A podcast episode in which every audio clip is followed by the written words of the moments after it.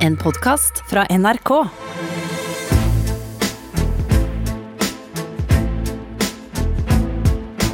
Trump mot verden med Gjermund Eriksen og Sean Henrik Matheson. Ja, eh, hei eh, Sofie. Da har jeg eh, lagt fram noen bilder foran deg, og så lurte jeg på om du kan se hva det er. Ja, det er person, woman, man, camera, TV. Jøss, da er du på nivået hans. Det er eh, godt gjort. person, woman, man, camera, TV. Ja, eh, velkommen til Trump mot verden, folkens. Her vi snakker om eh, amerikansk politikk i eh, fortid, nåtid, fremtid og fiksjon.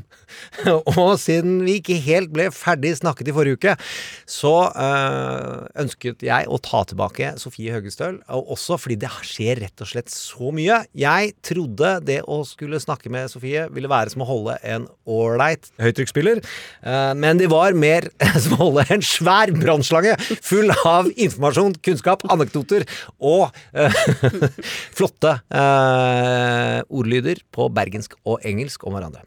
Du snakker fortere enn meg. Velkommen. Takk. Eh, denne sommeren som valgkampfenomen, eh, ta, syns du den byr på mer enn eh, de vanlige somrene før det er presidentvalg? Altså, den byr nok kanskje ikke på de store ideene. Det gjør den ikke. Men den leverer jo på spenstige videoer som lysner opp hverdagen. Ja, det får vi virkelig si.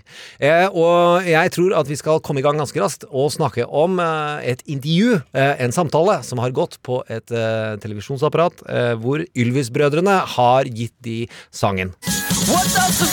Forrige søndag så satte Donald Trump seg ned Teknisk sett så satte han seg ned på fredag eller torsdag, eh, for det begynte å lekke fra samtalen ganske raskt etter at vi hadde gått ut av vår eh, podopptak, eh, med Chris Wallace, det legendariske barnet av det enda mer legendariske redaktørpappaen på Fox News, og som har rykte på seg for å være en uh, in the middle of the road person i et ganske høyrevridd me- mediefenomen. Hvordan vil du beskrive det intervjuet? Altså, det er jo liksom Trump sitt forsøk på et tradisjonelt presidentintervju. Settingen er liksom uh, lille hageflekken utenfor The Oval Office. På det som så ut som en fryktelig varm dag i DC. Altså, de sitter jo begge og svetter under intervjuet. Så, uh, ja, men det, det, liksom, det skulle se sånn storslått og presidentaktig ut. Uh, og være en sånn hard-hitting one-on-one-interview. Hvor du sitter der ned med en, en, en, en flink og, og anerkjent anker og virkelig blir grillet. Og han, Chris Wallace sier jo innledningsvis Tusen takk for at jeg får lov til å snakke med deg. Og så sier han også sånn, og takk for at du ikke liksom har sagt at tema, noen av temaene som vi ikke får lov til å spørre om. Liksom, dette er sånn, kan, Jeg kan spørre om hva jeg vil. Og det gjør han. Ja, og han bruker da noe som eh, jeg opplever har skjedd altfor sjelden i intervjuer med Trump. Han bruker hans tidligere uttalelser mot han, og måler de opp mot dette fenomenet virkeligheten. Eh, Hvis vi skal snakke om et par av de øyeblikkene, hvilke vil du trekke fram? Altså, jeg tenker det, det var mange øyeblikker, og det å se Trump bli faktasjekket in real time, det ser vi veldig sjeldent. Altså, det er en av de tingene som virkelig utmerker dette intervjuet. Men jeg tenker at en av de tingene som, som, som, som virkelig sånn lyste mot meg ganske tidlig, det var når Wallace begynner å, å stille spørsmål om koronakrisen, og så sier han noe sånn som sånn But sir, testing is up 37% Ja. Cases are up 194% ja. Det er vel ikke bare testing som gjør at det er flere saker? Og Trump er sånn, nei. Nei, men han eh, trekker seg ikke fra intervjuet, sånn som han har gjort i tidligere anledninger, med- blant annet med John Dickerson. Så går han bare ut av intervjusituasjonen. Det gjør han ikke, men han blir egentlig ganske mye modigere. Kanskje vi skal høre her et av de øyeblikkene som uh, vi tror ganske mange vil huske.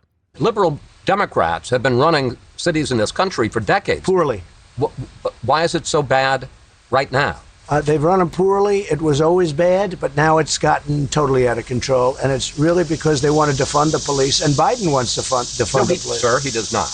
Look, he signed a charter with Bernie Sanders. I will get that one, just like I was right on the mortality rate.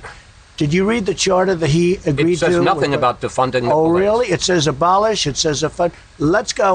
All right. Get, well, me, you, get me the charter, please. All right, Chris, you've got to start studying for these. he says defund the police. He says defund the police. They talk about abolishing the police. They talk about illegal I- I I aliens I look, forward. I look forward to seeing that. Og der klipper Wallace inn etterpå at vi har sett gjennom teksten, og det er ikke sant. Det nevnes ikke med et ord. Nei, og man tenker at her har Team Trump De har nok brukt mye tid på å preppe han. De har forberedt seg. Trump virker som han føler Altså, han virker som han opplever seg selv som godt forberedt. For han skal liksom catch Ja. Wallace in the act med fake news. Og komme med det virkelige faktaene sånn to ganger. All right, let's go! Og så klapper han. Ja, så, Få let's inn rapporten. og det er litt sånn ok, og så kommer man da tilbake, og så har han ikke fakta på sin side. Og det er flere steder han gjør dette i intervjuet. Eh, Vi kan jo ta to ting ved politikken også. Det ene er hvor han eh, forsvarer en uforsvarbar posisjon. Som, altså, nå snakker vi om for å vinne valg. Nettopp åpne skolene i stater hvor foreldre er redde. Også republikanske foreldre. Hvorfor tror du han pusher på med det? Det er vanskelig å si. Altså, øh, vi så jo Han hadde jo Han har begynt med disse koronapresskonferansene sine. Og det han brukte gårsdagens på, det var først å gjøre det noe han, noe han antageligvis burde gjort for lenge siden, som var å avlyse deler av landsmøtet. Så han gjør det av korona. Og alle bare sånn OK, det virker veldig rimelig. Og så følger han det opp med å snakke om at vi skal gjenåpne skolene. Ja, så eh, vi tar hensyn til republikanske eh, kongressmennesker eh, og konventdeltakere, men ikke barn. Men vi skal gjenåpne skolene. Ja. Eh, og det jo- det, gjenåpning av skolene har jo vært en vanskelig debatt i Norge. Vi har jo snakket mye om det. Altså, eh, hva, hva sier dataen? Hva er fakta her? Ja, men er det trygt? smittenivået er noe helt Men annet der oppe, og frykten og dødstallene er mye større. Så det Men smittenivå er noe helt annet. Uten å gå i stolten Camilla Hjertet i baken banker. Vi må gå videre. Jeg er Camilla-fan. Oh, sorry, folkens. Jeg er svak for hele Stoltenberg-slekta. Det får bare sies. Han sier også i den pressekonferansen går, fun digresjon, han viser empati, prøver å vise empati, men der hvor han bruker navnene Og så har jeg snakket med Putin, og jeg har snakket med Saudi-Arabia-prinsen, og jeg føler veldig for dem. Det går ikke. En annen posisjon som han også eh, forsvarer litt i intervjuet, er si at han skal defund CDC. Altså rett og slett fjerne finansieringen av testregimet og den føderale innsatsen for å kontrollere pandemien. Hvordan klarer han og, og teamet hans til å forsvare det?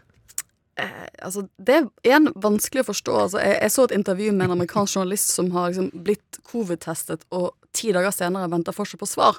Det er klart at Hvis du venter ti dager på svar om du er smittet, så får du ikke gjort de tingene du trenger å gjøre hvis du da er syk, som å virkelig altså, gå i isolasjon og ikke treffe andre mennesker. Og Da er det også vanskelig å si til sjefen at jeg, jeg kan ikke gå på jobb i dag. Liksom, for jeg Ja. venter på denne testen som kan ta ti dager. Så testregimet i USA har jo vært under massiv kritikk. Eh, mens Trump-administrasjonen da egentlig vil nedskalere det federale nivået på testingen. Ja.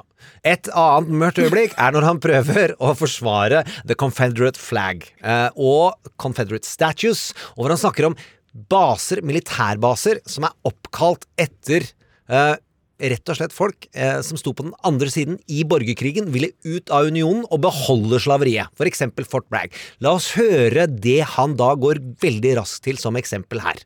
Fort Bragg is a big deal. We won two world wars. Nobody even knows General Bragg.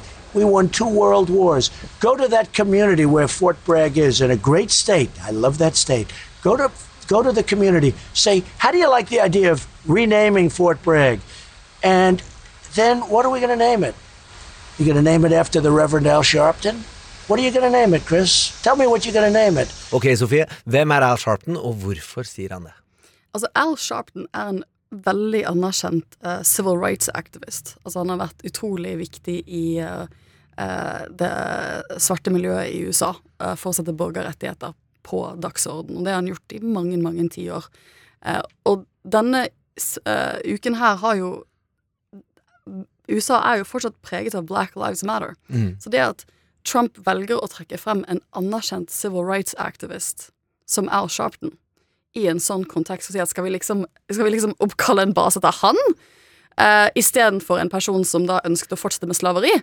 Ja, For du behøver eh, Jeg behøver ikke være så veldig moderat. Dette er jo det som kalles en dog whistle. Nettopp eh, slenge opp et bilde av en svart mann i ansiktet på hvite rasistiske velgere for å motivere dem til å gå imot, eh, er jo min litt harde analyse. Vil det fungere inn mot dette valget her, tror du?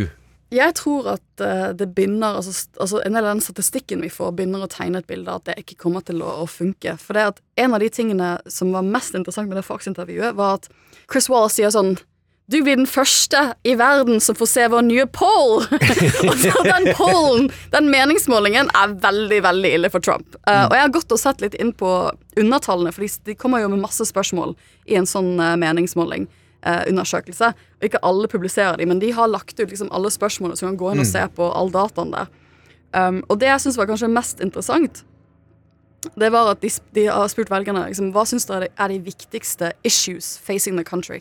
Hva er de viktigste sakene for folk nå? Og da svarer 29 um, covid. Det gir mening. 15 svarer økonomi. eh, men 10% altså den tredje største saken, er race relations.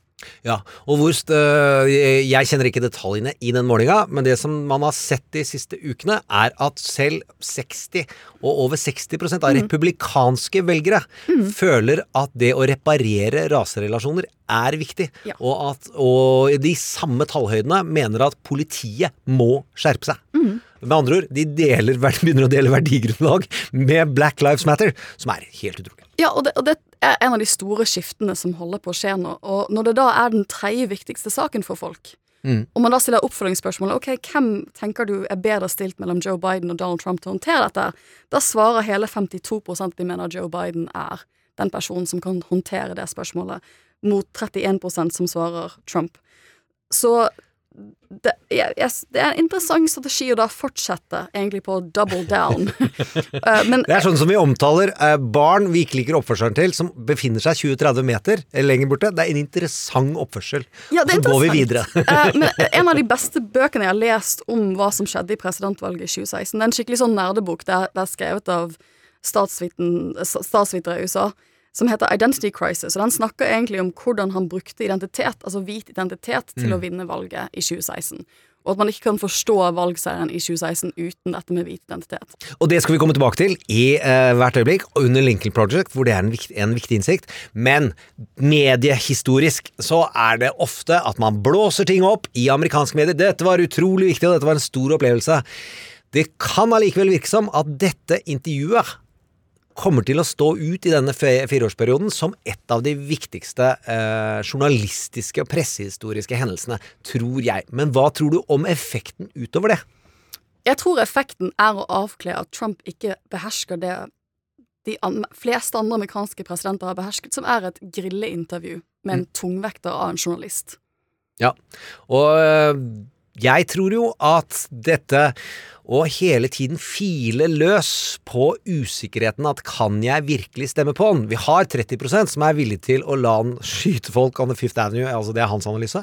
Eh, Men eh, det er det pluss 30, så har man 33, fortsatt grisetap, 36% oppslutning, så er det grisetap. Han må ha over 40, så det er hver eneste prosentpoeng som vil telle der.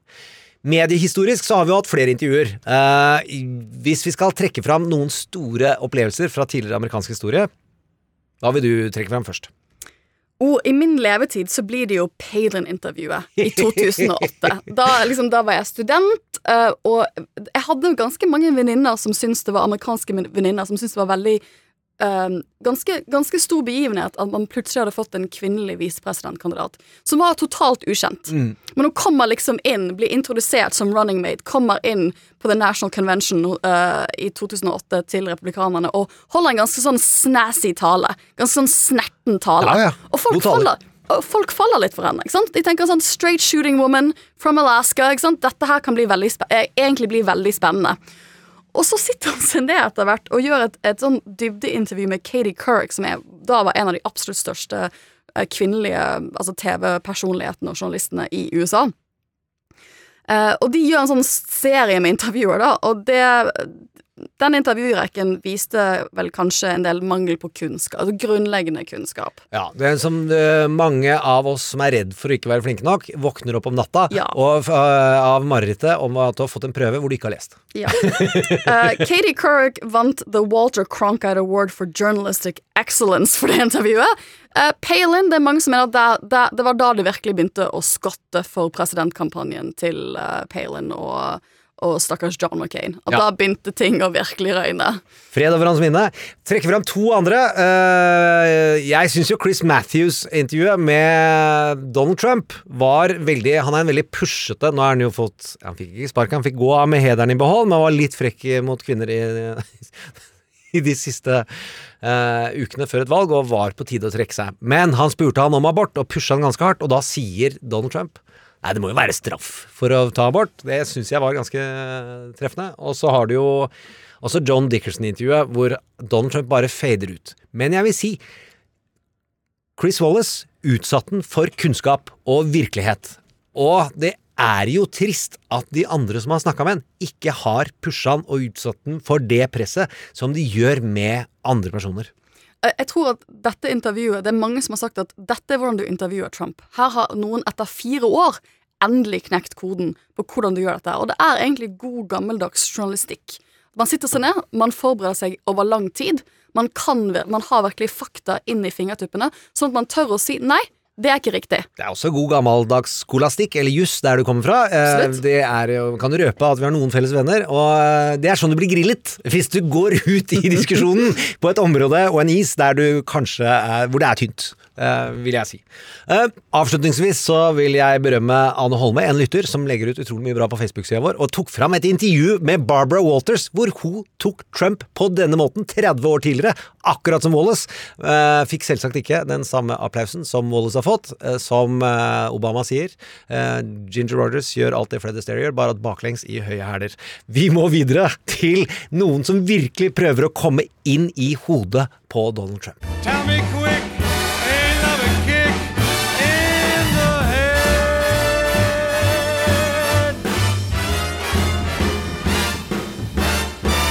Det vi skal er å snakke om Lincoln Project. Uh, og de som har hørt på podkasten vår, vet at vi har snakket om enkelt av medlemmene der tidligere, så jeg skal prøve å raskt å sette folk inn i hva dette var for noe.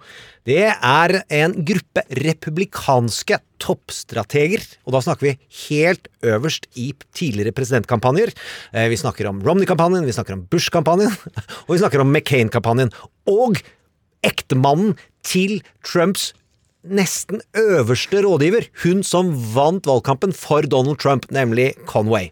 De går sammen og blir noe av det mest sånn tydeligste, det som kalles never-trumpers, og som folk gjorde litt narr av i desember. Og så begynner de å ha funnet ut vi skal lage reklamefilmer som skal vises på TV, særlig i Det hvite hus, for å tøyse med hodet til Donald.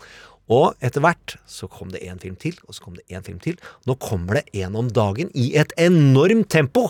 Eh, og de preger altså sosiale medier og de brede mediene i USA på en enorm måte. Vi har hatt grupper som har eh, angrepet egne kandidater i eget parti tidligere. Vi har hatt Republicans for Clinton, og vi har hatt Democrats for McCain før. Hva gjør Lincoln Project unike, Sofie? De, dette for meg, Lincoln Project for meg, er som om søsteren din, eller liksom bestekompisen din, bestemmer seg for å bare dolke deg i ryggen for åpen scene minst én gang om dagen. Liksom, og det er ingen som kan ta deg på den, måten altså en bestekompis eller et, en søsken kan gjøre. ikke sant? Du kan, da kan man gå steder ingen andre kan gå, for det blir så stygt. Det er, sånn, det er stygghetsnivået, altså det er personlighetsnivået av angripende. For meg så er det også det at de er organiserte, de er motiverte, og de er sylskarpe. Ja. Kunnskapsrike. Vi kan ta øverste lederen av Romney-kampanjen. Var en fyr jeg savna i denne gruppe- grupperinga. Stuart Stevens. Men det fikk jeg høre i forrige uke, at han ikke bare skriver bok, men ringer de støtt og stadig, og er en del av Lincoln Project. Du har McCains øverste rådgiver, Steve Smith, eh, og du har dette fyrverkeriet av en mann som har skrevet boka Everything Trump Touches Dies. Unnskyld, folkens, jeg måtte si det så tøft som han pleier å si det. Rick Wilson. Dette er kommunikasjons- og valgkampstrateger av den ypperste sort Hvem savner du i laget? Oh, det, det er jo et stjernespekket lag. Ja. Eh, det jeg syns er interessant, er at nå har de fått senior advisors. Det hadde de ikke før. Nå Ja. har de liksom lagt til en del folk som har kommet til siste ukene. Så det er litt flere kvinner nå. Mhm. Liksom det er bitte litt mer mangfold. En av grunnleggerne var en kvinne som sto opp mot Trump allerede i 2015.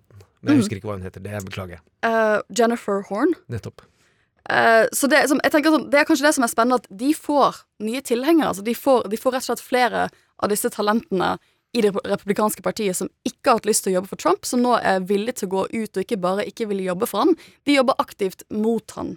Så de øker laget sitt siste ukene, og det er veldig spennende. Ja, Vi kan snakke litt om hva som er strategien deres. For de er utrolig eksplisitte. De har hatt egne Zoom-conferences for 10 000 tilfeldige mennesker her i verden på to timer, hvor de svarer og spør. De har to gående, løpende podkaster. Den ene heter The New Abnormal med Rick Wilson, og så er det en som het Noah, men som de bare til slutt døpte til The Lincoln Project, og ta for seg ulike sider av deres operasjon eh, flere ganger i uka. De har virkelig fått en større vind i seilene enn det de hadde forventa sjøl. Det er de enige om. Eh, men de følger den samme strategien. Og min bakgrunn er planner, det er kommunikasjonsstrateg, eh, som ligner veldig mye på det de driver med. Samle inn store mengder research, finne ut hvem skal du snakke til? Hva skal du si? Hvor skal du si det? Når skal du si det? Og hvordan skal du få det til? Eh, og der har de tre bulker, eller pilarer, som man kaller det i noen deler av verden. Eh, og den første pilaren er å tøyse med Donalds hode. Eh, altså lage psykologisk irriterende reklame. Altså, de kødder med han. Ja. Det er kødding. Det er Ja. In real time. Ja. Altså Som i går under pressekonferansen til Trump, hvor han da liksom går ut og sier at Han gjør det som det er en av de bedre pressekonferansene han har gjort, føler jeg, som president. Men han går ut og begynner å si at liksom, jeg må av, dessverre avlyse liksom landsmøtet, og det er trist. Og så, og så troller de, og så er Lincoln Project på med en gang og sier at liksom sånn, de bare har to screenshots, og dette gjorde Joe Biden for mange måneder siden. Han gjør det nå, og så skriver de liksom sånn You know, Joe Biden leads, Trump follows. Og det er bare sånn, det det er trolling in real time. Hvorfor driver de med trolling? Jeg tror for å kødde med han. Ja, og det de sier om denne køddinga, så er ikke det bare for å plage eller irritere den, det er for å stjele hans energi, fordi Rick Wilson og Stuart Stevens og disse guttene har kilder som jobber hos den. I hvert fall skryter de av det, og jeg tror faktisk ikke de lyver om det. De vil at han skal bruke energien på dem, og bruke det på irritasjon, for da klarer han ikke drive en ordentlig kampanje. Så det er det ene beinet, som handler om trollingen, stjele oppmerksomheten. Den andre er å vise for folk i vippestater at argumentasjonen, innholdet til Donald Trump, holder ikke mål. Altså skremme folk fra å stemme på han. Altså, eh, og jeg, tenker at De oppsummerer det veldig fint hvis du går inn på nettsidene deres. Så står det hva er deres mission. Og Da står det enkelt og greit Our mission defeat President Trump and Trumpism at the ballot box. Utrydde trumpismen. Det er ikke nok med å vinne litt, Nei. du må vinne alt. Og dette må bli, som eh, jeg tror også Rick Wilson sa, det må bli som McCarthyism. Det må bli en smittbart ord som du rett og slett ikke kan ha på deg hvis du skal holde office again. Og det jeg syns er litt interessant, da, er at det jeg føler at Trump har gjort med det republikanske partiet, er at han har gjort en hostile takeover. Litt sånn som Richard Gere in Pretty Woman. Så, så liksom det, er liksom det Trump gjør, er at han går inn, han kjøper det republikanske partiet, så kan han selge det opp. ikke sant? Det er det Richard Gere sin karakter i Pretty Woman gjør. Sånn, sånn businessperson Ja, som går går jeg var det på hvordan han sjekka opp Julia Roberts, men nå husker jeg hva vi har hostile takeover. For jeg- man kan jo tenke at eh, Pretty Woman, folkens, dette må vi bare ta Kanskje- litt rann. Det er en fyr som leier en prostituert, og så Ja. faller vi det som en Askepott-historie. Men han Ja. er en hostile raider. Han er Mitt Romney Han, ja, som økonom. Ja, ikke sant? Og, og, og det er det egentlig Trump har gjort med det republikanske partiet. Han kommer utenfra, han shanghaier seg inn, Mm. han vinner. Eliten i partiet vil ikke ha han. Eh, men eliten i partiet nå, de er nå kidnappet. They're hostages. Ikke sant? They're in a hostile takeover situation. Og det Lincoln Project egentlig har lyst til å gjøre, det er å ta tilbake partiet sitt. Mm. Og de har jo sagt, mange av de, at de mener at de, de innser nok at det kanskje blir umulig, men de må gjøre det. For dette er liksom partiet deres, dette er ideologien deres. De de skal så, tilbake til Lincoln. ja, de skal tilbake til Lincoln. Ja, og det, det andre beinet, som da handla om å være negativ, vise alle de negative effektene. Hva har han gjort på pandemi, hva har han gjort på økonomi, hva har han gjort med Black Lives Matter? Hvordan, han, øh, hvordan prøver han å øh, sende barn til skolen selv om han beskytter seg selv? Alle disse tingene pumpes ut i sentrale vippestater, og så tar han tar de også senatorer. De tar kongressmennesker. De tar folk som hjelper dem. Are you an enabler? You're gonna die. You bought a ticket, now you do the ride.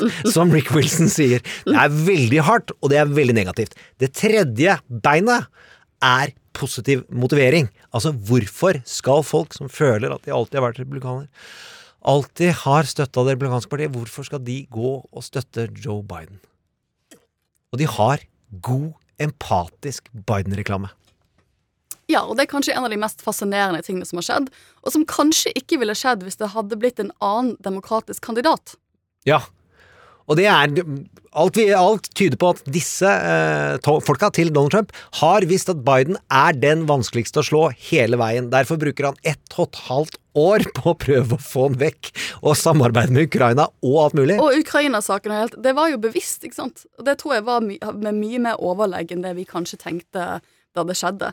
Så, og, og det er veldig interessant, for hadde det blitt uh, type Bernie Jeg kan ikke se for meg at de hadde lagd disse videoene om Bernie Sanders. Dette her har mye med å gjøre. De, de prøver å signalisere at Joe Biden er trygg. Dette blir trygt, det blir kjedelig, det blir veldig stabilt. Det blir klassisk amerikansk. Ja, og det Harry Enton, som er en av de beste analytikerne jeg vet om, som jobber for CNN, jobbet før for 538, som vi alltid nevner, for der burde du gå og henge, han på, tok fram underliggende tall som viser at folk som ikke liker den republikanske og ikke liker den demokratiske kandidaten, vipper til Biden. Med andre ord at Biden har et plussforsprang eh, av enorm betydning for de som da eh, misliker begge to.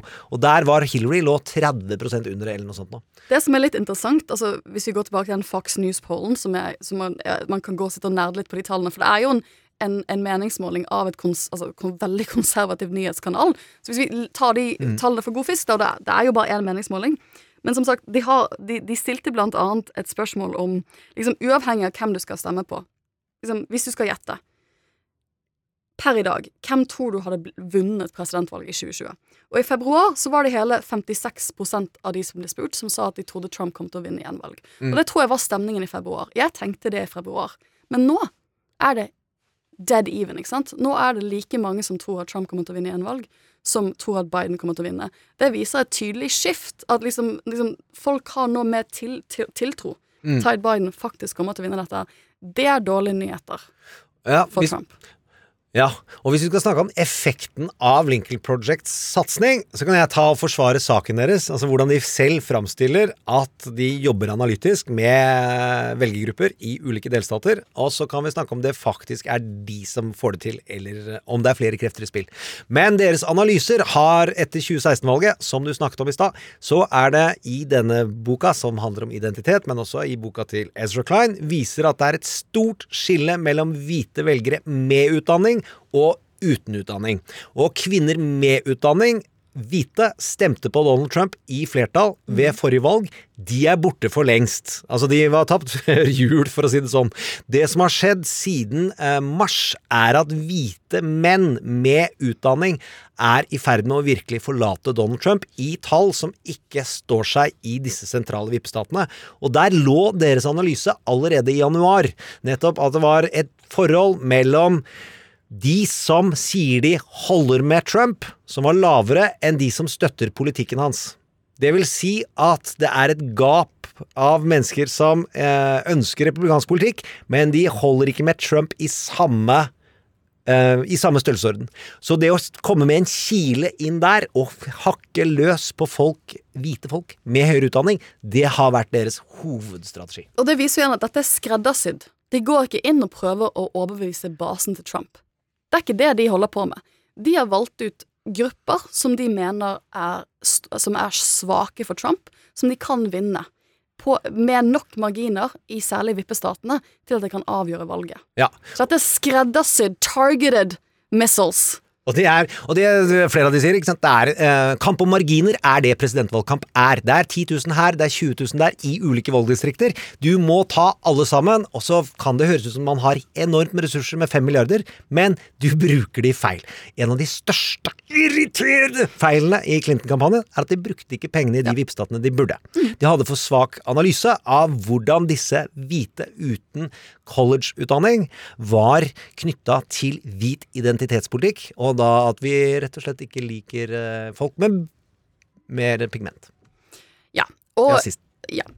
og liksom det de også gjør, er at ved å eksempel nå bruke tid på Texas Ikke sant? Ja. Ikke sant? De, så ta, de slår han liksom, Dette er jo sånn Dette er jo en, en storslått Game of Thrones-kampscene. Mm. Hvor du da istedenfor å gå mot hovedarmeen, så går du og sniker deg inn i en av byene som motstanderen tror de egentlig har en ganske safe hold på, og så begynner du å ta folk og ta over og kuppe. ikke sant? For da må, jo, da må du plutselig gå til som, Så må du løpe tilbake og ta byer du allerede trodde du hadde tatt. Ikke sant? Og da vinner du ikke slaget. Da har vi snakka om eh, deler av strategien som er hvem og hva, og så kan vi ikke ta alle andre sider, men vi kommer sikkert tilbake til det. Eh, Men det vi må snakke om, er hva er det de gjør som de ikke sier? Hva tenker du der? Altså, De her er hardtslående strateger, og så gjør de noen valg som de ikke er så eksplisitte på. Har du noen av eh, du har tenkt på? Det er et godt spørsmål. Altså, jeg, de prøver jo å rehabilitere seg selv og det republikanske partiet. Ja, Det er jo, og det snakker de kanskje ikke like mye om, men dette er jo også, jeg tror, om deres selvfølelse som republikanere. Liksom Ja. At han representerer ikke oss. Vi kan ikke liksom la republikanske navnet blir besudlet på denne måten, ikke sant? De flytter hovedstaden Jeg prøver å flytte hovedstaden i det republikanske partiet. altså lage og asfaltere. Her kan vi bygge dersom vi vinner. Det andre jeg vil trekke fram, er jo at de er eh, veldig opptatt av mediebev... Altså, de er veldig mediebevisste. De skaper momentum. Altså, de peker på seg selv. Vi har oppmerksomheten, vi har farta, vi har vind i seila, sånn at de får masse mer omtale og får da medieeffekter. Og du har sett West Wing.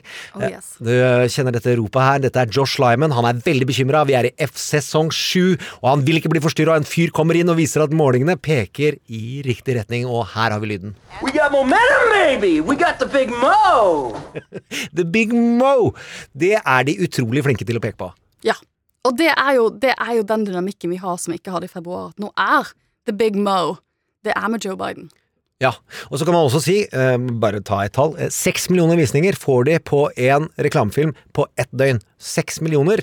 Det å tro at det ikke betyr noe, selv om det er mange av oss i Norge som klikker på den, eh, og det motiverer, så motiverer det basen til demokratene også, tror jeg. Og så er de morsomme, og de er smålige. Og det er sånn, sånn, sånn, sånn, sånn, de har, Det er masse skadefrie de. Altså, en av de tidligere videoene de gjorde, var liksom at, uh, at Trump fikk mye presse for at han hadde, uh, hadde vanskeligheter for å gå ned en trapp på veien ut av et foredrag han holdt. Ja. Og, liksom, og, og, da, og, Trump har i etterkant sagt forklare dette her. Vet ikke hvorfor han bruker tid på å forklare hvorfor han slet med å gå ned denne rampen, men han bruker tid på det. Og da spiller de liksom Lincoln-folkene av et klipp av hvor han går ned, mens han forklarer hvorfor det var så vanskelig for han. Og liksom, helt, den, den forklaringen er helt urimelig. Og så, og det, det, det er ganske smålig i seg selv, men så følger de det opp med å avslutte snutten med at Joe Biden holdt samme tale noen år før, og han springer opp liksom som ingenting, ikke sant? Det er helt vilt. Og det er helt vilt. Ja. Bare sånn for å oppsummere. Eh, jeg har nemlig noen kjepphester her i verden som ikke alle er glad i, og ikke alle er enig i. La oss huske på de, prøver, de prøver på ett nivå å komme inn i hodet på Trump og stjele oppmerksomheten hans, så han stjeler oppmerksomheten til kampanjeteamet hans. Den, andre, den tredje biten, det er positivt, får folk til å motiveres og gå til Biden. Og så har vi den i midten, som er negativ reklame. Jeg tror Lincoln Project beviser at negativ reklame, for det er det mange som tror i Norge at det er ikke viktig. Det er ekstremt viktig for å endre folks atferd. Vi er veldig bevisste på negativitet. Ja, og dette er litt sånn, er litt sånn en tikt, altså Noen av disse videoene er jo litt sånn det vi liker å se på i dag. Det er litt sånn meme-aktig. Ja. Så det, det er jo veldig sånn i tidskulturen også å lage sånne videoer, og du Altså, ja. Ja, nei, Det som jeg vil si er vanskelig, rent sånn faglig, det er å overtale oppdragsgivere til å lage reklame som faktisk underholder. For underholdning i seg selv er vanskelig å måle, men underholdning, det er vind i et seil. Så hvis du har fått opp seilet, som er strategien, budskapet ditt Hvis Rema 1000 hadde lagd verdens mest kjedelige reklame, se her hvordan vi putter varer, en- uten å glimt i øyet rundt det enkle er ofte det beste, så hadde ikke dette seilet det enkle ofte det beste, hadde ikke seilt så godt. Eh, kjepphest, folkens. Det er jo ingen som bryr seg om reklamefolk lenger. Noen må gjøre det. Vi må over til eh, neste tema. Vi kommer helt sikkert tilbake til eh, Lincoln Project. Vet du hva, du hadde, dette hadde ikke fungert uten deg her. Men nå må vi ta det som eh, er eh, pendeleffekter. Og der er det en stor poet som skrev en sang for en stor sangerinne om hvordan pendelen svinger når Donald Trump kom inn i bildet. I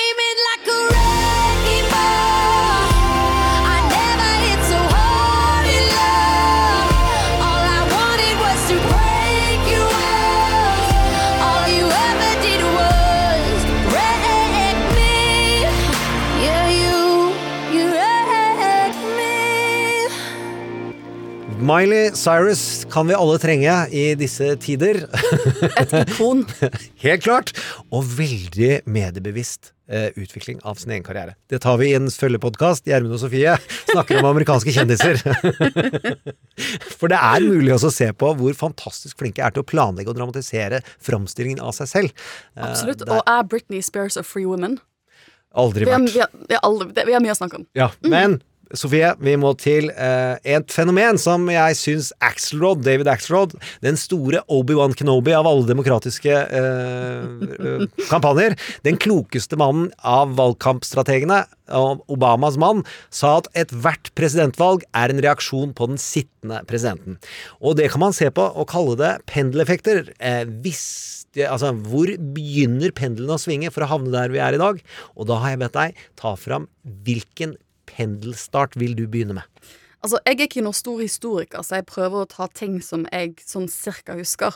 Og jeg tenker at 2000-valget ble et skjebnesvalg. eh, Av mange grunner. Men det var jo et valg som til slutt ble avgjort av amerikansk høyesterett. Så for det første så bringer det liksom amerikansk høyesterett og rettsvesenet tettere inn på valget i USA. Mange mener at det liksom bare åpnet Pandoras eske for å bruke rettsvesenet for liksom å si at 'å, jeg tapte i valget', jeg vil ha recount, jeg vil klage på alt', ikke sant. Det, man har statistikk på det som viser at det er mye mer bruk av rettsvesenet i valgkamper enn det var før, Ja. etter det valget der. Um, og på grunn av valgkaoset i Florida, så vinner Bush valget. Husker du hvorfor Gore tapte? Altså, Hva var svakheten i hans kampanje? For jeg eh, var jo utrolig irritert på at han tapte. Eh, Norsk dekning var jo at dette skulle jo Clintons, Dette skulle Clintons. Clintons arve, arvtaker ta. Hvordan kunne han tape etter den økonomiske opp, eh, velstanden? Det er et godt spørsmål. Så jeg var 14 da, så jeg føler at mitt sofistikerte syn kanskje ikke er like sofistikert som det. Ja. Jeg tror, altså, jeg tror at han safa for mye. Ja. At han var for introvert i sin mm. framstilling. Han eh, Gore kan være full av energi og kan ha en, en fantastisk framstilling. Det så vi jo bare. Han vant jo en Oscar for det å holde powerpoint-foredrag. Oscar for powerpoint-foredrag. jeg må bare gjenta det for, oss, for andre folk som har undervist her. Det er mulig. Keep on teaching. Men eh, pendeleffekten ga oss nemlig en eh, høyesterett som da ga noen effekter som vi ikke liker. Ja, for det, da, blir jo, da blir jo plutselig Bush president, og, det, og så skjer 9-11. Ja. Og da er han som er på vakt. Og da endres USA i en eh, konservativ retning. Det tegner seg opp til at det er han som må vinne neste valg også. Han gjør som vi har snakket med Anders Giæver, friend of the pod, når han var her, at i Norge så framstilte det som om alle var sinte på Bush, men egentlig så var folk ganske fornøyd med at han tok ganske hardt i. Og så er vi uenige i den krigen, både Sofie og jeg. Sofie så det litt tidligere enn meg, kartla vi forrige sending. Eh, hva skjedde i Høyesterett i den åtteårsperioden? Da får jo Bush også mulighet til å utnevne to eh, høyesterettsdommere, deriblant selveste høyesterettsjustiarius, som vi snakket eh, om en del i forrige podkast, John Roberts, i 2005, og eh, som nå virkelig preger amerikansk høyesterett. Men han fikk også utnevne et år senere Samuel Alito, som kanskje er en av de mest konsekvente Konservative. person- konservative personene i amerikansk høyesterett, som en sånn sikker stemme. Men er det en, er en svak jurist, sånn som Thomas er? Nå snakker jeg bare om ryktebørsen. Ja, ja. Det, er han en svak jurist, han òg, ja? Eh, det, eller, jeg tenker at det er nok mye diskusjoner rundt det, men jeg tror mange bare føler at han er blitt en sånn party hack. ja? Han holder partilinjen på en måte som, som er mer gjennomskuelig, kanskje. Men du kan eller- være retorisk flink og forsvare et partis standpunkter. Thomas kommer jo med, med, med betenkninger som rett og slett ikke står seg på videregående innimellom. Ja, men jeg, jeg føler vel at, at Samuel Leader Det er veldig sjelden jeg leser noe han har skrevet og blir imponert. På en måte, Samme måte jeg kan bli med Gorsuch. Da kan jeg være sånn Dette er Si ordet en gang til.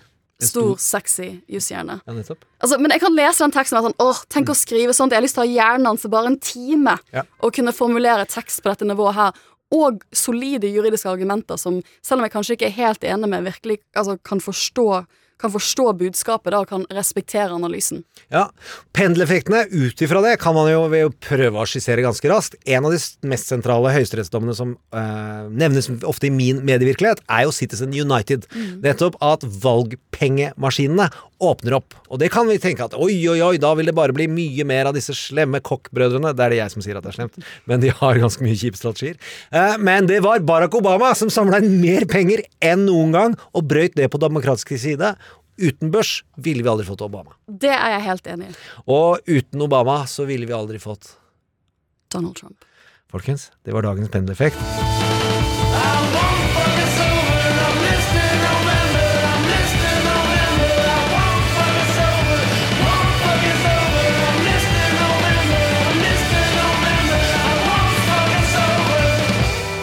Ok, folkens. Eh, nå må vi huske på at det er 100 dager igjen til valget, nå på søndag. Det er, som vi snakka om i stad, et spill om marginer. Hver dag er 1% Enten vant du den dagen, eller så tapte du den dagen. Det her er siste fotballkampen som skjer nå i løpet av 100 dager. Hva vil du trekke fram? Nå kommer ting til å trekke seg opp. Mm. Det har vært på et høyt nivå lenge. Men nå, som du sier, nå er vi ned i den siste 100-dagersspurten. Og da teller hver eneste dag. Da er det om å eie mediebildet og ikke gjøre store feil. Og der har vi dessverre nok data de siste tre årene på at eh, Donald Trump kan godt eie mediebildet en hel dag, og ingen slipper til ordet. Og så er det den beste reklamen Don Joe Biden kunne ønske seg.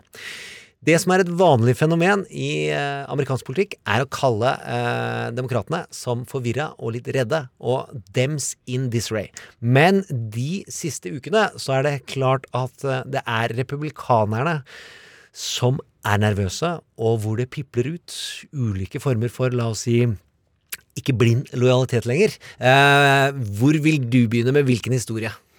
Og det er flere historier å ta av, og jeg tenker at dette er en av de viktige dynamikkendringene fra februar. For i februar så var det liksom Dems in disarray. Liksom de prøvde å ha, uh, å ha mm, primærvalgkampene sine i Iowa. Alt går til helvete, liksom. Trump går på TV og bare sånn De greier ikke engang å sette sammen et lite, loka, liksom et lite valg. Kan ikke styre landet, da. Og, og, og, Og da han hadde et poeng. og han hadde et poeng, han hadde et supert poeng. ikke sant? Det var, det var, jeg var helt enig med han i det.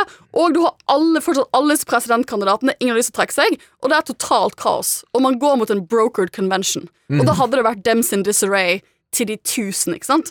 Og så kommer partipisken, folk dropper ut, Joe Biden blir kandidaten, og de samler seg. James Claiborne. Oh yes, og nå, men, og nå er det problemer på republikansk side. Og det ser vi i forskjellige ting, men ikke minst det at denne uken så har det rett og slett vært en skikkelig catfight eh, blant eh, de republikanske kongressmedlemmene. Mennene. Men, mennene. Mm. Mennene på bakrommet, bakrommet har blitt sint eh, på et sånt partimøte på Liz Cheney, som er en av de eh, lederne for eh, republikanerne, og Dick Cheney sin datter, så her henger sammen, Ja. alt sammen med alt. som har vært verbalt kritisk til deler av Ja. Donald Trumps håndtering av korona og økonomi. Ja, hun har stepped out of line. Og det er en del av Trumps folk som sier at you have to get back in line. Og vi skal legge ut bilder, folkens, av en av eh, favorittbøllene til Donald, og dere vil skjønne at det er helt greit å kalle bølle. Matt Gates fra Florida. Hvordan vil du se på eh, han eh, hvis du, når du studerte, når, og studerer sammen med han, hvordan vil du karakterisere han som person? Han virker jo ikke veldig hyggelig. Ok, vi behøvde ikke gå sånn personlig. Matt Gates, hvis vi hadde castet han i en film, så ville det vært helt perfekt som den kjipe bøllen. Han spiller jo for så vidt eh, Biff i Tilbake til fremtiden, for de som kan de referansene. Eh, det andre jeg vil trekke fram i forhold til Dems in disarray, og at det ikke fungerer for Donald, som hele tiden prøvde å så tvil. I februar så maste man om at Bernie Sanders, the Bernie Bros and the Warrenistas, Elizabeth Warren sine velgere, ville ikke gå bak Joe Biden. Det ville aldri skje, det ville bare være krig. Og de er nesten alle mann. De ligger helt rolig. Det er så stille i rekkene. Det er så stille i rekkene, og det du ser også at Joe Biden kommer med nye sånne policy announcements som kanskje ikke vi følger så mye med på. At han kommer opp på sånn 'Jeg skal gjøre dette, for, dette på the environment, jeg skal gjøre det på dette her'. eh, som kanskje ikke får så mye presseoppmerksomhet i Norge, men jeg tenker at mange, hvis du leser mange av de tingene han har lyst til å jobbe med nå, så er det jo ofte lånt tatt eh, fra venstresiden av partiet. Så det er jo en måte å bringe partiet sammen på og si at OK, Warren tapte, men jeg, tar, jeg, liksom, jeg bruker henne mye on these issues, ikke sant? Ja. Og Det- det, og det tror jeg er viktig. Det er sånn party unity. Sant? Jeg blir kandidaten, men her, her, her lager jeg progressiv politikk for å vise at vi står sammen. Og det har funket, og folk står bak han. Ja, og det man kan si, hvis man drar den lange linja i Joe Bidens eh, his, eh, som politiker Han har alltid vært i midten. Altså, selv hvis midten flytter seg, så gjør han det. Altså, nå har han flytta seg til venstre og skapt en ny middle ground i Det demokratiske partiet. Og dette, Jeg har ikke fulgt alle policy-forslagene hans, Mm. det blir litt mye. Men eh, det man skal ha det til, er at det har aldri vært en så progressiv demokratisk kandidat. Ja, altså, når Pod Save America-folkene, som jo er Obama sine tidligere rådgivere, Liberale delen av de rådgiverapparatet. Skikkelig liberale, unge, liksom progressive, er sulten på progressiv politikk, mener det og sier det på podkasten sin, Mm. så betyr det noe for yngre velgere som kanskje var skuffet over at de fikk en så gammel mann som Joe Biden, som de følte ikke hadde liksom, Kanskje ikke delte deres politiske visjon. Ja, og bare for å ta til et strategisk grep som er nesten irriterende om hvor dykt noen sider av dyktigheten, for det er vanskelig å se alt Biden gjør, men det at han, de ikke har sendt Biden til Pod Save America-gutta ennå, det er eh, strategi, og jeg lurer på når det skjer. Vi må tilbake til de republikanerne og eh, deres disarray. Det betyr å skjelve, det betyr å være i nervøs, og være litt redde, men vi er ikke helt sikre på hva den direkte oversettelsen er. Jeg tenker det er litt sånn som borgerlig kaos, som man ofte snakker om i norsk politikk. Ja, og Super-Silje slenger inn uorden på øret fordi hun har internett på maskinen sin. Utrolig bra. Men eh, hva er de andre tegnene på at det glipper og det er eh, tvil innad i det republikanske partiet? Altså, eh, eh, Ted Cruz, som er senatoren from the great state of Texas, lagde en, en liten video denne uken som verserte på Twitter, hvor han stirrer inn i kameraet mer eller mindre desperat sier at liksom, hvis vi taper Texas, folkens, nå, så taper vi landet. Og da er det sånn liksom at, at han føler et behov for å lage en så direkte video hvor han bare stirrer rett inn i kameraet i to minutter og sier liksom sånn Her må vi, vi må kjempe for alt her, folkens. For vi holder på å tape Texas, og det er, det er helt krise. Når man begynner å snakke om krisen, da anerkjenner man også at man er i en krise. Og han eh, kan jo da ryke.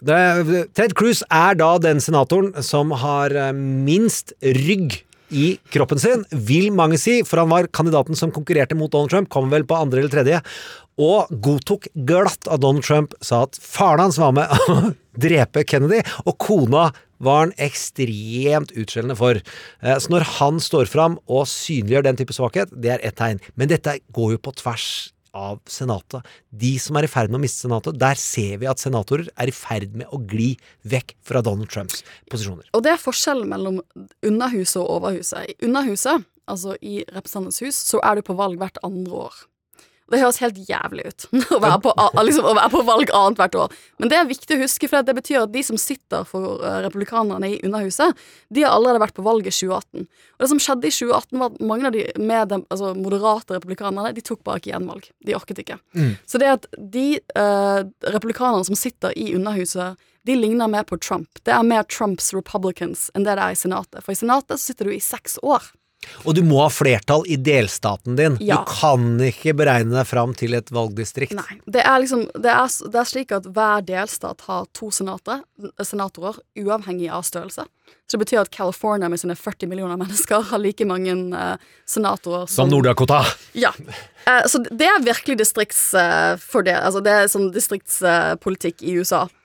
Men det betyr at de sitter i seks år av gangen. De sitter da mye lengre, og mange av de, og de er ikke på valg annethvert år på samme måte. Og det betyr at mange av de som sitter i senatet for republikanerne, er mye mer lik de tradisjonelle Lincoln Project-republikanerne. De, altså, det bytter ut en tredjedel hvert, hvert, hvert, år- Hvert, hvert valg. annet hver år. Ja. Og der er det sånn at nå i VIP-statene så er det flere av de republikanske senatorene som ligger dårlig an og har begynt å ta ut avstand. Og der kommer Lincoln Project inn og sier 'for seint' og kjører Susan Collins for de valgene hun har gjort i perioden. Eh, og hun sier, eh, hennes kampanjesjef sier eh, 'dere skyter gislene', og så sier, sier Rick Wilson 'she ain't a hostage, she's Patty Hirst, som var et gissel som ble bankraner, og ble medbankraner. Men, men det sier også litt at Susan Collins, kampanjesjef, bruker liksom hostage-metaforet. Ja. Hva sier du om partiet ditt, da? Liksom, ikke skyld- liksom, ikke skyld på henne! Hun er hostage av Donald Trump. Liksom, og, og da bruker man jo Da, da snakker man altså, det, det er helt sykt. Ja. Man snakker sånn. At man bruker det metaforet. En annen stor, stor, stor tegn på at dette bærer i litt eh, annen retning, og at republikanerne er nervøse, er at Joe Biden nå leder pengeinnsamlingen måned for måned, så får han inn mer penger. Han har et forsprang å ta igjen, for Donald Trump har jo vært deres kandidat i tre år, eh, så det er litt naturlig at han lå bak, men nå kommer pengene inn til Biden, og de kommer ikke i like stor grad inn til Donald Trump. Nei, og det, eh, penger er jo viktig uh, i en amerikansk valgkamp, unektelig, på grunn av til dels Citizen United. Mm. sant? Money buys you ad time, buys you airspace. Før det så var det grenser for hvor mye penger du kunne bruke på en kampanje. Det er det borte med Citizen United, og da kunne du gjemme pengene bak usynlige eh, navn. Så nå som vi er inne i denne siste 100 dagene, så hører vi egentlig lyden av brennende penger. For de holder på å svi av mange, mange millioner dollar hver eneste dag nå. Det er helt vilt. Det er helt sykt. Det skal gå 3 milliarder dollar for Trump-kampanjen fra nå og til november. Et annet fenomen som har blitt trukket fram, eh, og som gjør republikanere eh, nervøse, er det ene fortrinnet de sier å ha hatt, nemlig et entusiasmegap. Det vil si at republikanerne sier på spørreundersøkelser, i spørreundersøkelser, at de er eh, mer entusiastiske for sin kandidat enn det folk sier for Joe Biden. Hva, hvordan vil du kommentere hvor sterkt er denne entusiasmegap-teorien? Dette var jo en av de tingene som Trump trakk fram i dette Chris Wallace-intervjuet med Fox. Ikke sant? Han fikk disse meningsmålingene fra Fox, og bare sånn fake news, de er ikke sanne, vi har våre egne meningsmålinger, og der vinner jeg masse. Og så sier han også, og mine velgere, og det sier han veldig, ikke bare i det intervjuet der, men det sier han veldig ofte, mine velgere jeg har mye mer entusiasme. Så det så. Og han, jo, han bygde jo dette rundt rallyene, som mange tenkte at det var ikke et godt tegn på om du vinner eller ikke. Det tror jeg fortsatt det ikke er, men hvis du legger inn at CNN, CBS og alle bare setter opp et kamera og kringkaster det, så er det ganske god eh, reklameeffekt inn til det brede publikummet.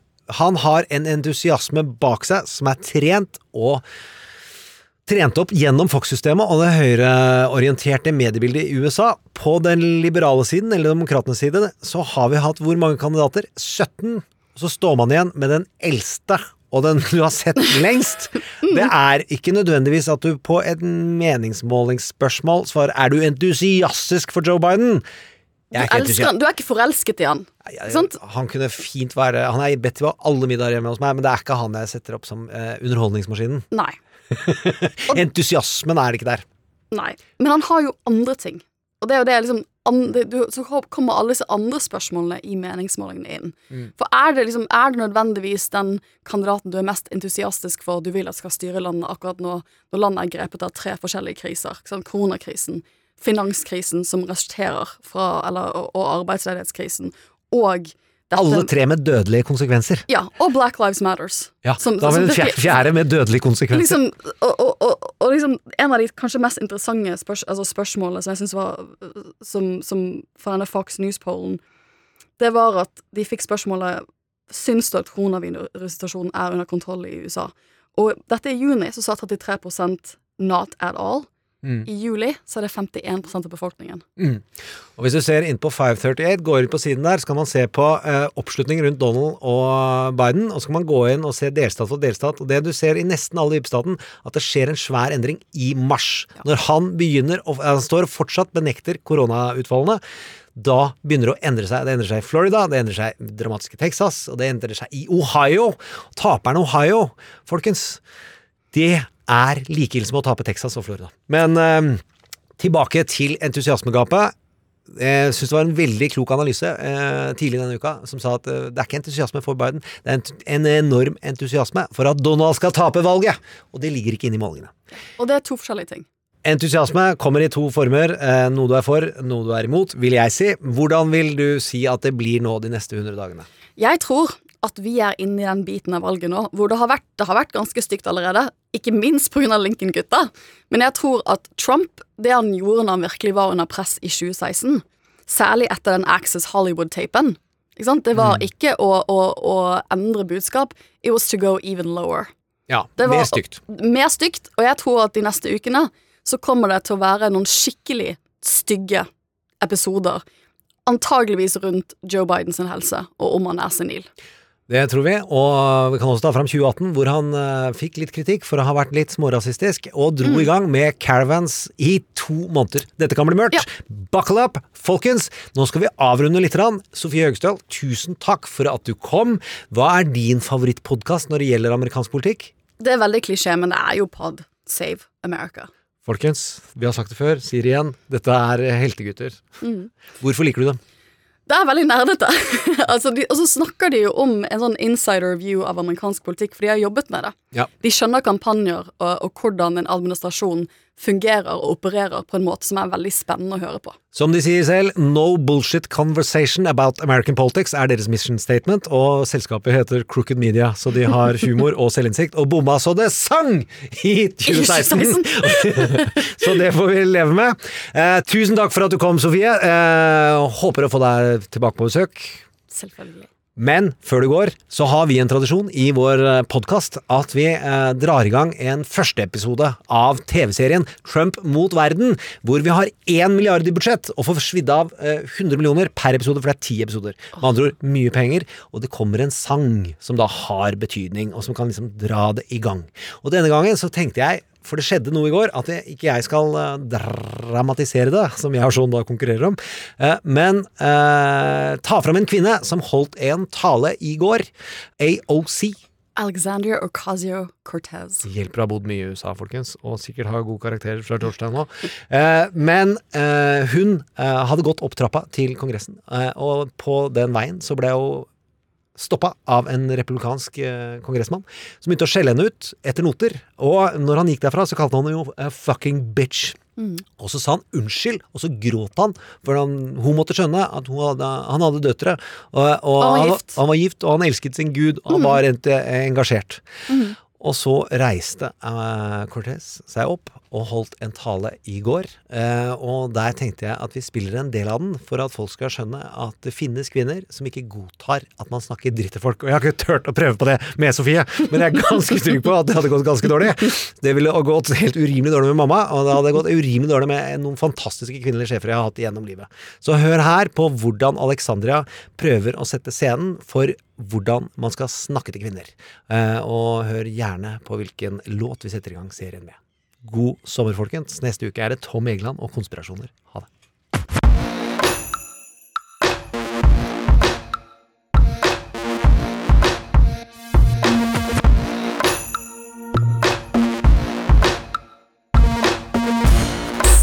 Speaker, I seek recognition for a question of personal privilege. The chair has been made aware of the valid uh, base for the gentlewoman's point of personal privilege. The gentlewoman from New York is recognized for one hour. Thank you, Madam Speaker. Um, and I would also like to thank uh, many of my colleagues for the opportunity to not only speak today, but for the many members from both sides of the aisle who have reached out to me in support uh, following an incident earlier this week. About two days ago, I was walking up the steps of the Capitol when Representative Yoho um, suddenly turned a corner, um, and he was accompanied by Representative Roger Williams, and accosted me on the steps right here in front of our nation's Capitol. I was minding my own business, walking up um, the steps, and Representative Yoho put his finger in my face. He called me disgusting. He called me crazy. He called me out of my mind. Um, and he called me dangerous. And then he took a few more steps, and after I had recognized his, uh, after I had recognized his, his comments as rude, he walked away and said, I'm rude. You're calling me rude. I took a few steps ahead and I walked inside and cast my vote um, because my constituents send me here each and every day to fight for them and to make sure that they are able to keep a roof over their head, that they're able to feed their families, and that they're able to carry their lives with dignity. I walked back out, and there were reporters in the front of the Capitol. And in front of reporters, Representative Yoho called me, and I quote, a fucking bitch. These are the words that Representative Yoho levied against a congresswoman. The congresswoman that not only represents New York's 14th congressional district, but every congresswoman and every woman in this country. Because all of us have had to deal with this in some form, some way, some shape, at some point in our lives. And I want to be clear that Representative Yoho's comments were not deeply hurtful or piercing to me because I have worked a working class job. I have waited tables in restaurants, I have ridden the subway, I have walked the streets in New York City. And this kind of language is not new. I have encountered words uttered by Mr. Yoho and men uttering the same words as Mr. Yoho while I was being harassed in restaurants. I have tossed men out of bars that have used language like Mr. Yoho's. And I have encountered this type of harassment riding the subway in New York City. This is not new. And that is the problem. Mr. Yoho was not alone. He was walking shoulder to shoulder with Representative Roger Williams. And that's when we start to see that this issue is not about one incident, it is cultural. It is a culture of lack of impunity, of accepting of violence and violent language against women, and an entire structure of power that supports that.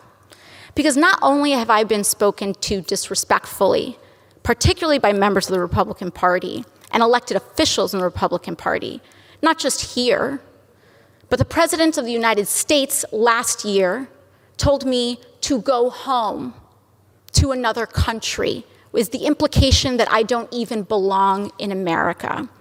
The governor of Florida, Governor DeSantis, before I even was sworn in, called me a whatever that is. Dehumanizing language is not new. And what we are seeing is that incidents like these are happening in a pattern. This is a pattern of, of an attitude towards women and dehumanization of others. So while I was not deeply hurt or offended by little comments that are made, when I was reflecting on this, I, I honestly thought that I, I was just going to pack it up and go home. It's just another day, right? But then yesterday, Representative Yoho decided to come to the floor of the House of Representatives and make excuses for his behavior. And that I could not let go. I could not allow my nieces, I could not allow the little girls that I go home to. I could not allow victims of verbal abuse and worse to see that, to see that excuse, and to see our Congress accept it as legitimate and accept it as an apology, and to accept silence as a form of acceptance. I could not allow that to stand, which is why I am rising today to raise this point of personal privilege. And I do not need Representative Yoho to apologize to me. Clearly, he does not want to. Clearly, when given the opportunity, he will not. And I will not stay up late at night waiting for an apology from a man who has no remorse over calling women and using abusive language towards women. But what I do have issue with is using women, our wives, and daughters as shields and excuses for poor behavior. Mr. Yoho mentioned that he has a wife and two daughters. I am two years younger than Mr. Yoho's youngest daughter. I am someone's daughter too. My father, thankfully, is not alive to see how Mr. Yoho treated his daughter. My mother got to see Mr. Yoho's disrespect on the floor of this house towards me on television. And I am here because I have to show my parents that I am their daughter and that they did not raise me to accept abuse from men. Now, what I am here to say is that this harm that Mr. Yoho levied, it tried to levy against me, was not just an incident directed at me. But when you do that to any woman, what Mr. Yoho did was give permission to other men to do that to his daughters. He gave, in using that language in front of the press, he gave permission to use that language against his wife, his daughters, women in his community. And I am here to stand up to say that is not acceptable. I do not care what your views are. It does not matter how much I disagree or how much it incenses me or how much I feel that people are dehumanizing others. I will not do that myself. I will not allow people to change and create hatred in our hearts. And so, what I believe is that having a daughter does not make a man decent.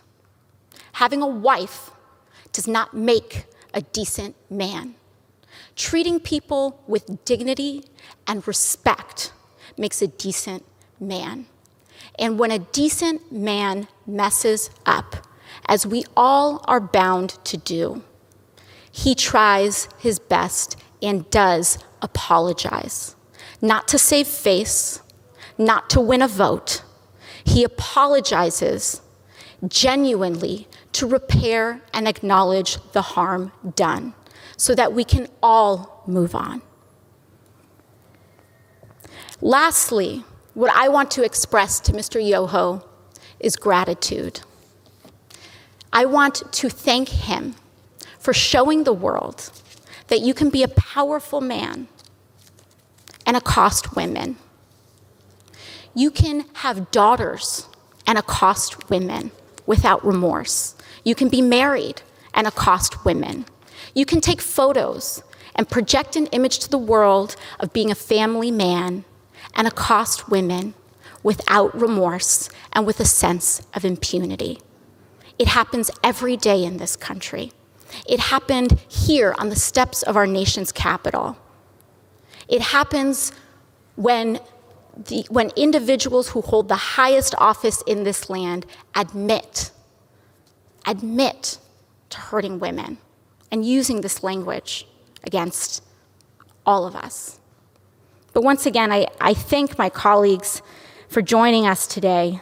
Um, I will reserve the hour of my time and I will yield to my colleague, Representative Jayapal of Washington. Thank you.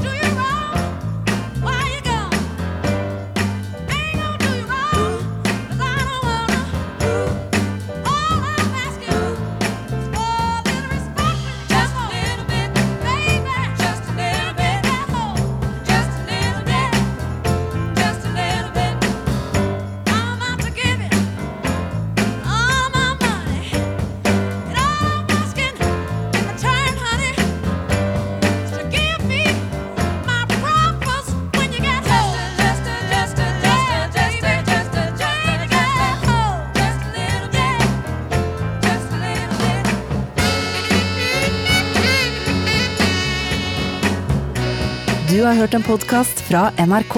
Hør flere podkaster og din NRK-kanal i appen NRK Radio.